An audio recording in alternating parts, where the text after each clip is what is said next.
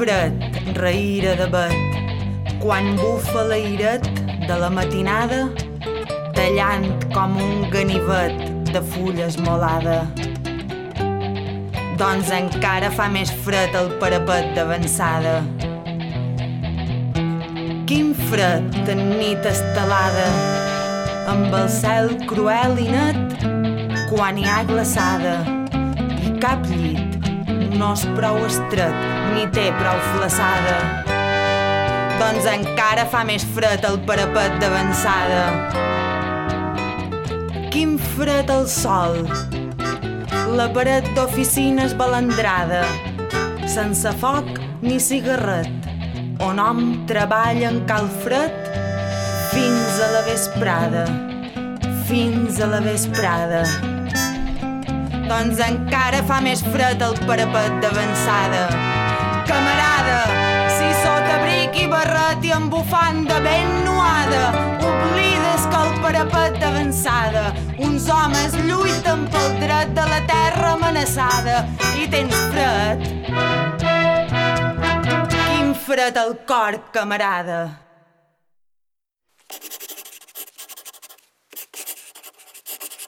dia 4 de setembre de 1936. Per no perdre el costum, a les 5 ens desperten les canonades dels bucs de guerra Jaime I, el Mirall Miranda i un submarí que va arribar ahir. En Martínez i el mallorquí han vingut a dir-nos que l'hospital està abandonat i tot trencat pel terra. A Son Carrió, on han anat els germans gallecs, tampoc han trobat a ningú. Amb això i el continu bombardeig iniciat ha caigut dins el nostre grup la por que els feixistes hagin fet un abans i no ens haguem assabentat. Abandonem l'hospital rum a la Casa General per veure si així tenim notícies concretes sobre el que passa. Sortim tots amb les motxilles i el més indispensable. Jo, que em trobo amb febre per un còlic, estic rebentada amb aquesta caminada res més sortir de la casa hospital, ens comencen a bombardejar quatre avions de caça enemics. Ens hem de refugiar sota una figuera. En Solà i en Martínez han anat a la platja sols, ja que fer-ho en grup seria exposar-nos. En aquests moments, els vaixells han iniciat retirada davant el freqüent i eficaç bombardeig. Volen sobre nosaltres cada vegada més baixos. Aquests moments en què ignorem el que passa són els de major emoció que portem viscuts. Jo em trobo tan serena i tranquil·la que en el meu ésser no existeix cap fibra que vibri a les emocions de perill, perquè veritablement el moment és perillós i sols que ens vegin seria el caos, desfets per una bomba.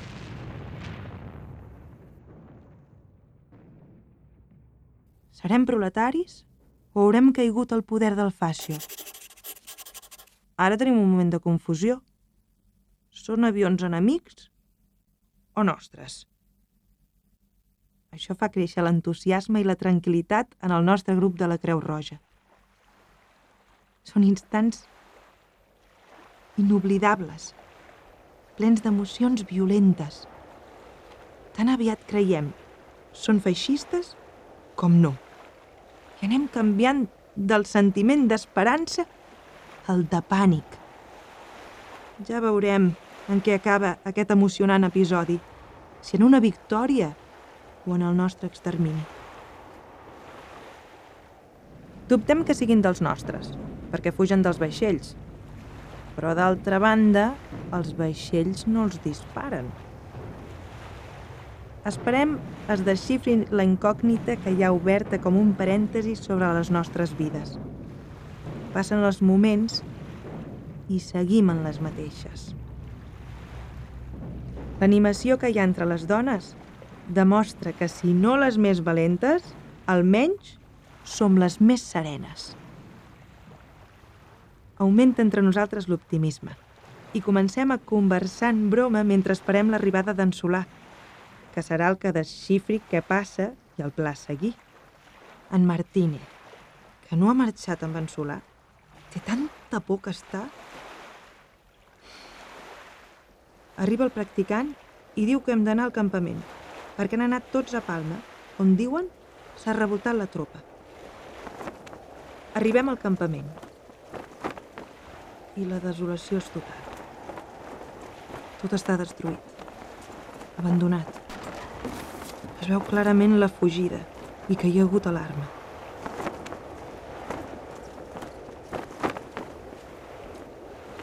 La realitat és que hem estat traïts. No s'entén d'altra manera. Quatre companys han sortit en una barcassa a veure si veuen algun vaixell que pugui venir a recollir-nos. Altres tres han anat a cavall a Porto Cristo per veure si queda algun company de milícies si saben què passa. Tots hem agafat fusells i tenim preparades municions en cas d'atac.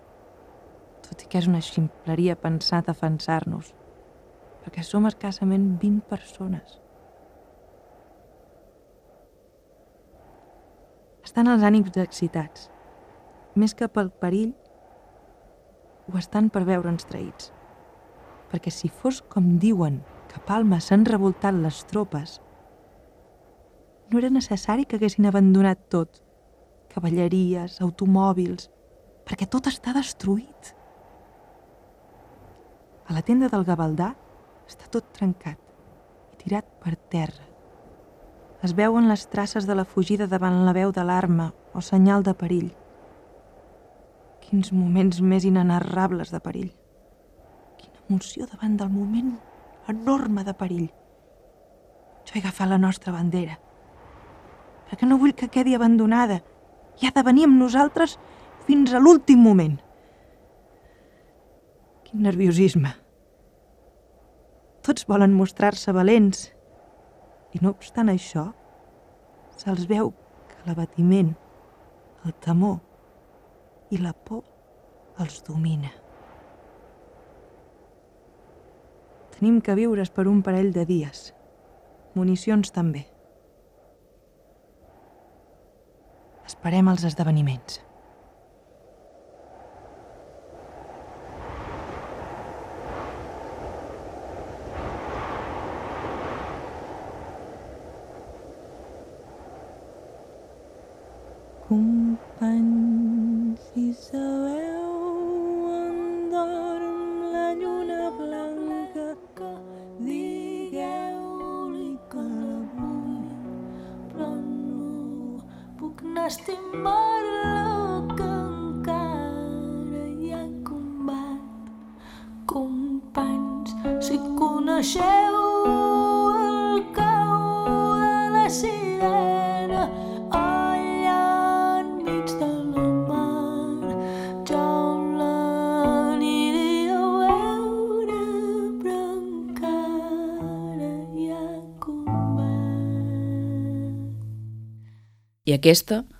és l'última entrada que tenim del diari.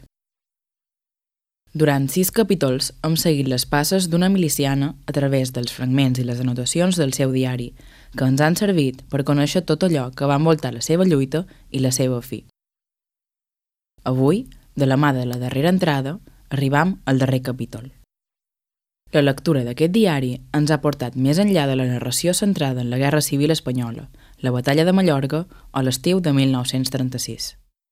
Ens ha portat molt més lluny, a altres llocs i altres temps, on moltes de les lluites encara són compartides i vigents.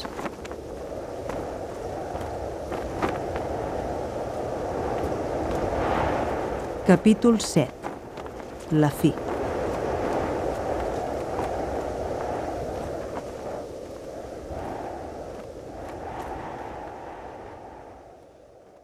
En aquest capítol intentarem respondre algunes de les incògnites que en genera aquesta darrera entrada al diari. Com es pot intuir, en aquestes línies hi ha hagut un reembarcament, un canvi de plans, inesperat i desordenat. Però què ha passat? Per què han partit sense avisar? Qui són els que han quedat a terra? Què serà d'elles? Reconstruirem les seves darreres hores, les quals no recull el diari, i intentarem saber qui i què hi va haver darrere de les seves morts.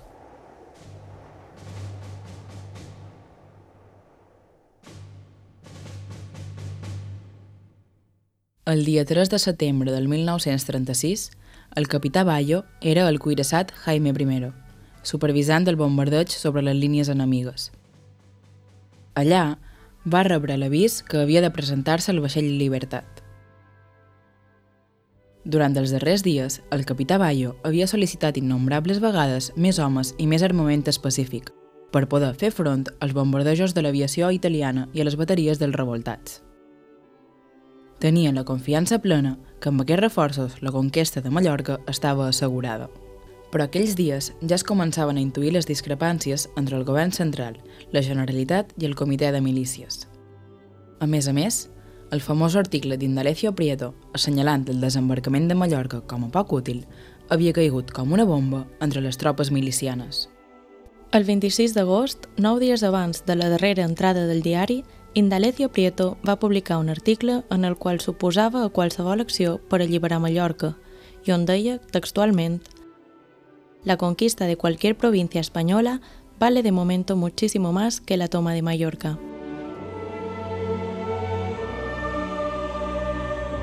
Darrere fons, hi havia la molèstia del govern central amb l'expedició perquè havia estat organitzada per la Generalitat i les milícies antifeixistes sense la seva participació.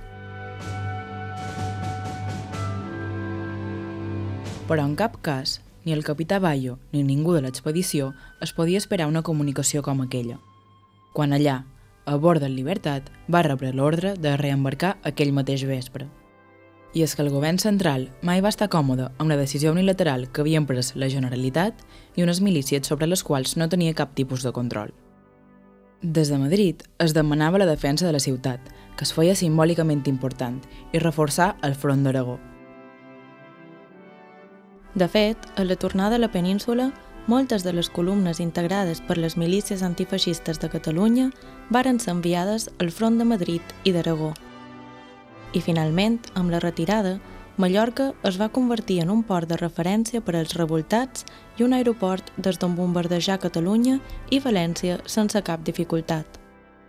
Així, el capità Bayo va haver d'organitzar, contra la seva voluntat, un reembarcament en unes hores. Per no tenir problemes amb les tropes, evitar possibles motins i poder fer un reembarcament ordenat, idear l'excusa que Palma havia caigut i era necessari reembarcar per marxar sobre la ciutat. Si us recordeu, ara que sabem això, es garrifa pensar com en el capítol anterior, en l'entrada del dia 3 de setembre, la nostra miliciana descriu l'emoció que sent en veure passar la Centúria 30, a la llum de la lluna cap al front, quan possiblement els estaven reembarcant. A les 10 ha passat la Centúria 30, que es dirigia al front. Ens ha causat una gran emoció veure'ls desfilar a la llum de la lluna plena, tan en silenci, veient-se tan sols el brillar dels fusells i l'ombra dels milicians. Tot i que les seves memòries, Mi desembargo en Mallorca, indica que va ser una operació ben organitzada i exemplar, queda clar que no va ser així. Segons les seves memòries, ell va ser el primer a posar peu a Mallorca i seria el darrer després de comprovar que no quedava ningú a terra. No fa falta dir que no va ser així. Després de la desbandada republicana, es va comptabilitzar innumerable material, menjar, armes, camions, així com el més important, part de la tropa. Una vintena d'homes i dones que van ser apressats per l'enemic poques hores després.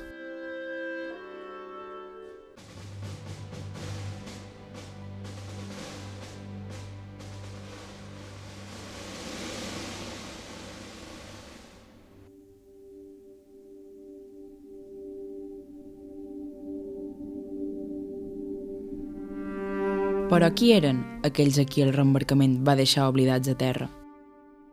No és difícil imaginar la seva desesperació. El motiu de l'abandonament, de senzill que és, és mal d'entendre. La mala sort disfressada d'incompetència i de desorganització per part dels alts comandaments del bàndol republicà. No és possible tenir un registre d'aquells que varen quedar a terra.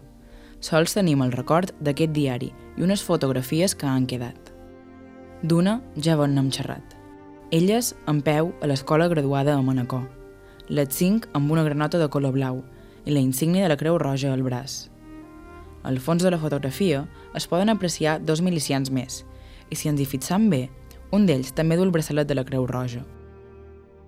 La que sembla ser l'autora del diari, aquella qui encara no han posat nom, mira a càmera fixament, desafiant.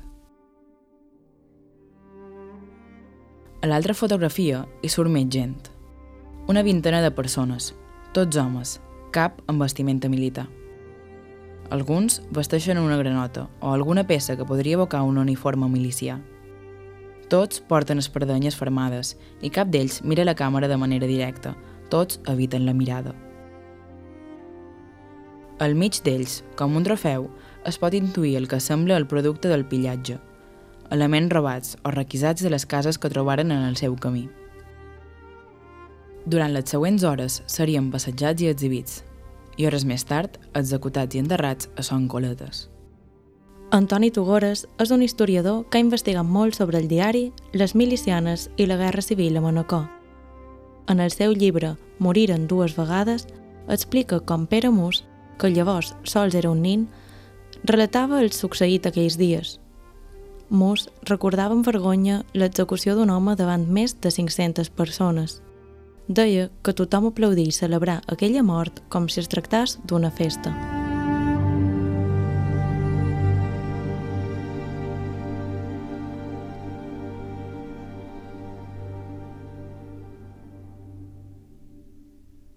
Elles visqueren unes hores més que els seus companys. Com ja vàrem dir, el funest Conde Rossi es guardà el dret de decidir sobre el seu futur i també sobre el misteriós diari de la miliciana. Segons sembla, foren sotmeses a una suposada revisió ginecològica i exhibides públicament com un trofeu i com escarni.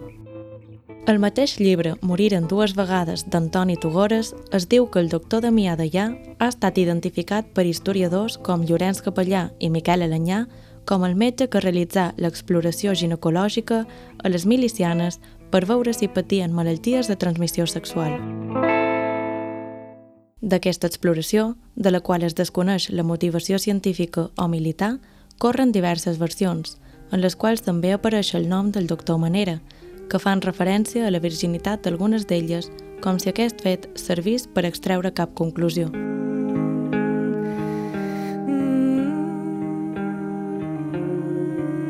Al vell mig de Manacor hi trobam la plaça Major, anomenada Sabassa, lloc on les milicianes foren exhibides. Davant la façana de l'edifici, enfront del cafè agrícola, hi peregrinar gent per insultar-les i fer-ne befa molts d'ells, possiblement, encuriosits per veure quin aspecte tenien les roges. Sobre elles sorgiren els rumors típics que acompanyaren les milicianes al front, tant d'un bàndol com de l'altre, i dels quals ja han parlat en altres capítols. L'acusació que eren prostitutes queda impregnada durant molt d'anys en l'imaginari col·lectiu de Manacor, com si això fos una justificació del final que els donaren. L'altre rumor, que també va quedar, era que sols eren voluntàries de la Creu Roja. Unes pobres innocents infermeres, quasi sense posicionament polític. Amb dos rumors, malintencionats o ben intencionats, les situaven en pols, teòricament i moralment oposats, el de prostituta o el de cuidadora.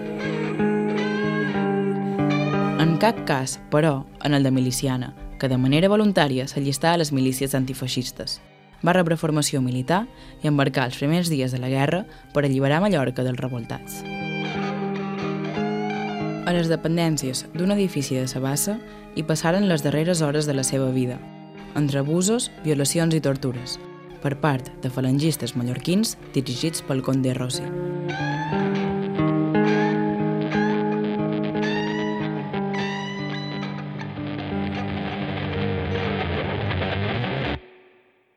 El 5 de setembre de 1936 ens assassinaren i enterraren en una fossa comuna. Abans ens violaren i torturaren. Aquesta és la nostra història.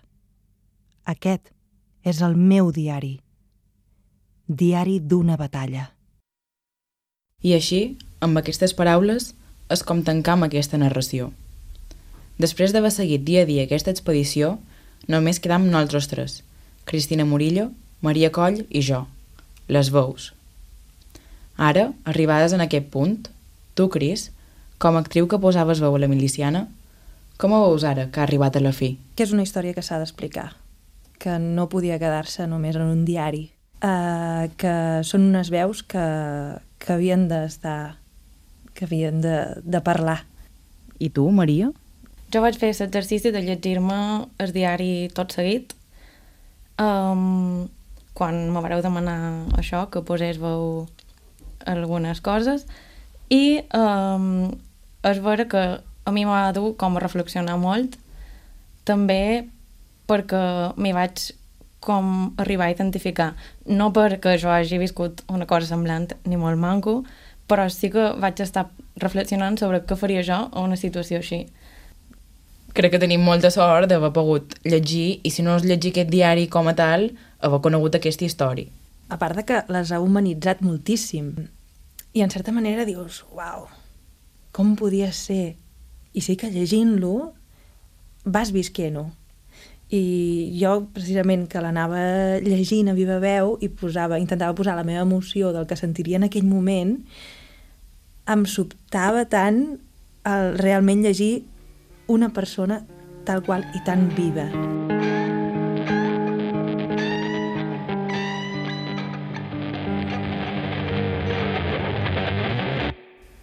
Parlant de la importància d'aquest testimoni escrit, no sé si sabeu que hi ha alguna teoria que treballa amb la possibilitat que el diari podria ser fals.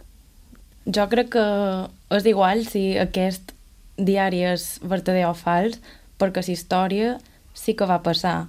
Vull dir, no només amb aquests quatre noms que tenim, que tenim identificats, sinó també amb moltes altres milers de persones que potser ara no hi posam nom, però que varen viure la mateixa història. Llavors, crec que, no sé quina de les dues ho comentava, però que sí, que ha servit per humanitzar i també com...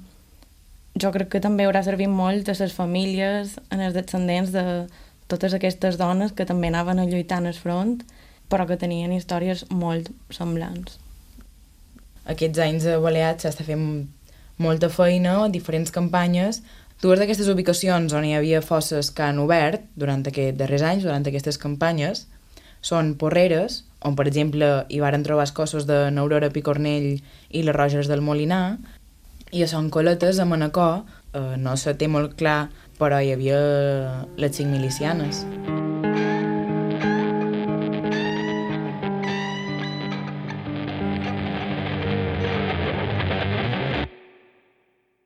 I, clar, com xerràvem fins ara, la importància de, de, dels historiadors i els investigadors. Un d'ells, Antoni Tugores, historiador monacorí, que, que per son coletes i la feina que s'hi ha fet ha estat crucial.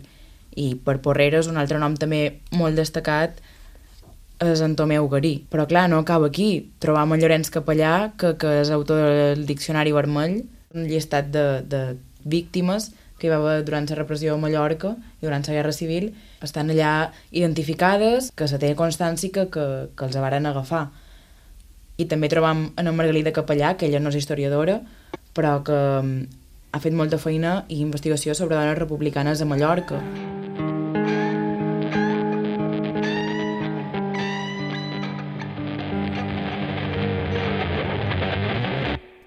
I heu sentit parlar molt de la guerra, que vostra? Jo, en el meu cas, la veritat és que no n'he sentit xerrar gaire. No sé si per un tema d'això, de que era tema tabú i ja no se volien recordar segons quins fets. En tot cas, sí que he sentit xerrar molt més aviat de l'època de, uh, de de la postguerra, d'això de passar fam, això, aquesta por sí que l'he sentida molt, encara ara tinc la sensació que la meva predina ho recorda molt, però sí que és cert que de coses d'abans, de durant la guerra, jo no he sentit a xerrar-ne gaire. Per tant, sí que a casa heu xerrat d'aquests temes, sí que t'havia arribat uh, aquest, uh, aquests fets i com ho varen viure. Sí, tant. Perquè a mi crec que me passa un poc com amb la Maria, que, que realment tampoc he sentit xerrar tant de la guerra clar, a casa meva sí que se n'ha parlat d'això, de la por, sobretot de la por, i aquesta por jo crec que en els nostres avis, qui més qui menys, um, ens l'ha transmès. I de, mira, cap aquí és també cap a on volia anar jo ara, que no només recordar fets, sinó mm, ser conscients, però per lo que pot venir ara. El podcast era per xerrar d'allò, però també per fer-ne una reflexió i, mm, i veure en quin moment ens trobam ara. Fer el podcast ja és combatre. Ja estem posant el nostre granet de sorra. I, i això és lo bo, no? Que, que ja estem donant, mai millor dit, la nostra veu.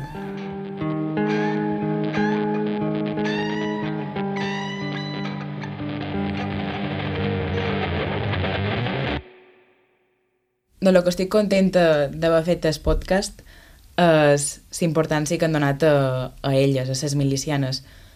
I, I en el capítol anterior han xerrat de moltes dones que durant aquests anys i a dia d'avui han estat importants. Les dones, al front, la lluita i contra què lluitaven i contra qui lluitaven i veure que aquestes dinàmiques continuen a dia d'avui. Sí, i ara que també xerràvem d'això, de, de la importància que hem donat en aquestes dones, que la tenien i que hem donat nom, també jo volia remarcar la importància de totes les altres dones que no tenen nom, perquè també hi eren, també varen patir totes les seves famílies també, i crec que és això, remarcar que, que n'hi havia moltes que han estat silenciades i que aquest podcast també haurà servit per això, per donar veu a totes aquestes altres dones.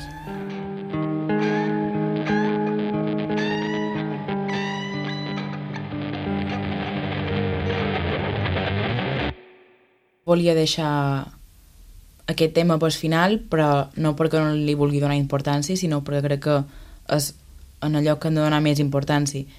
El podcast, tot i que fos sobre les milicianes i la guerra civil, crec que anava molt més enllà i era xerrar de temes que la guerra civil a lo millor no han tractat tant.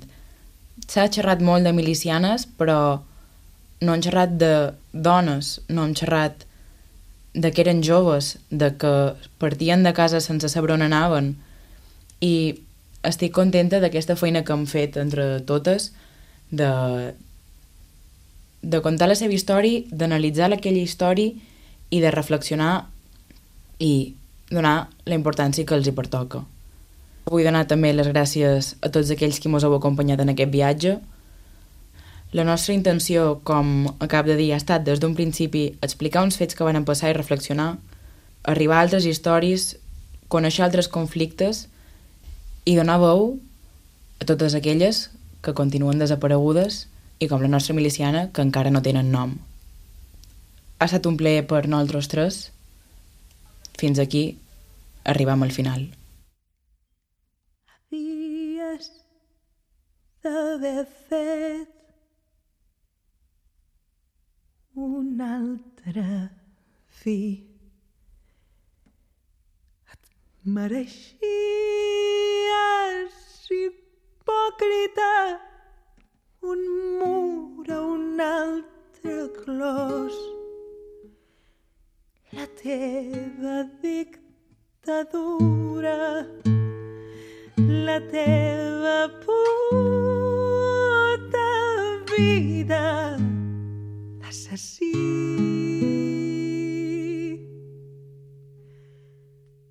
Quin incendi de sang.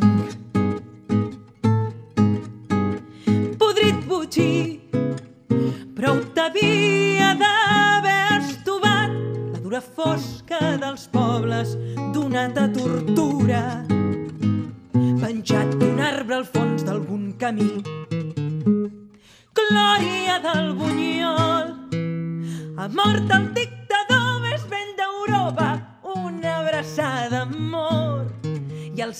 copa. Rata de la més mala delinqüència, Desqueia un altre mort amb violència, la fi de tants des d'aquell juliol. Però l'has feta de tirar espanyol. Sol ciència i amb tuf de sang i merda, sa excremència. Glòria del bunyol, ha mort el dictador més vell d'Europa.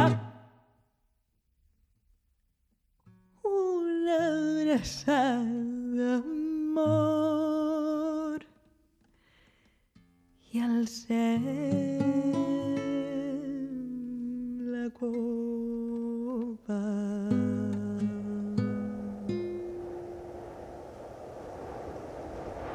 La guitarra, Álvaro Noriega. El poema Final, de Joan Brossa, escrit el 20 de novembre de 1975. El podeu trobar a l'antologia de poemes de revolta 1943-1978. Barcelona, edicions 62, a la pàgina 130.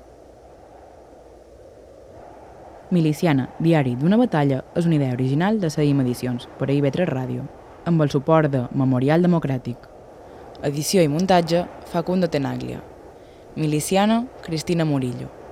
Narració, Maria Coll. Narració, guió i direcció, Blanc Orell. Direcció artística, guió i direcció, Judit Andreu. Producció, guió i direcció, Tolo Albertí. Producció, IB3 Ràdio, Pep Díaz i Cati Moya un podcast d'IV3 Ràdio.